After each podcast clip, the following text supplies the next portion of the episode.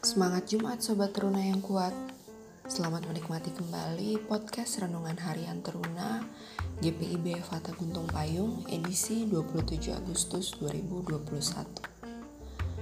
Bacaan Alkitab pada hari ini terambil dari kitab Yesaya pasal 38 ayat 9 sampai dengan 14 Silahkan Sobat Teruna post podcastnya terlebih dahulu untuk berdoa dan membaca ayat Alkitabnya.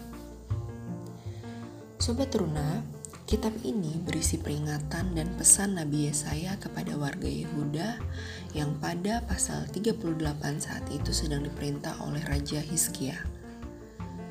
Nabi Yesaya diutus Tuhan untuk memberitahu Raja Hizkia yang sedang sakit bahwa ia akan mati. Wow, bagaimana ya rasanya ketika ada orang yang memberitahukan berita kematian kita akan segera tiba? Pasti rasanya sedih sekali dan takut. Ya, sama dengan Hizkia, ia juga merasakan sedih dan kemudian berdoa sambil menangis.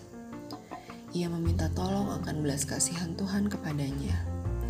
Di dalam Alkitab dituliskan bahwa ia berdoa sampai pagi dan tiada henti hingga Tuhan menjawab permohonannya. Pada akhirnya, Yesaya mengabarkan firman Tuhan kembali kepada Hizkia bahwa usia Hizkia ditambahkan 15 tahun dan Tuhan melepaskan kota beserta isinya dari tangan Raja Asyur.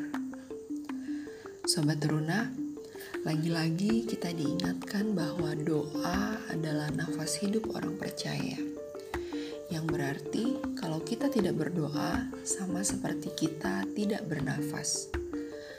Dan melalui kisah Raja Hizkia, kita dapat belajar beberapa hal. Yang pertama, berdoa itu tidak hanya cukup sekali loh sobat teruna, tetapi perlu terus-menerus dilakukan di sepanjang hidup kita.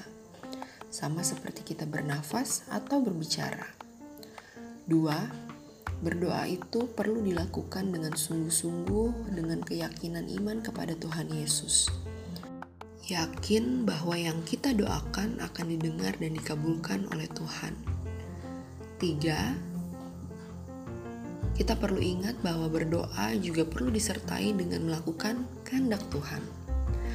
Dengan melakukan tiga hal tersebut, maka Tuhan akan mendengarkan doa-doa kita dan memberkati segala usaha kita dalam mewujudkan cita-cita dan harapan. Selain itu, dengan berdoa dan berserah kepada Tuhan, maka kita akan menjadi lebih kuat dalam menghadapi berbagai tantangan hidup. Semangat berdoa senantiasa, sobat teruna.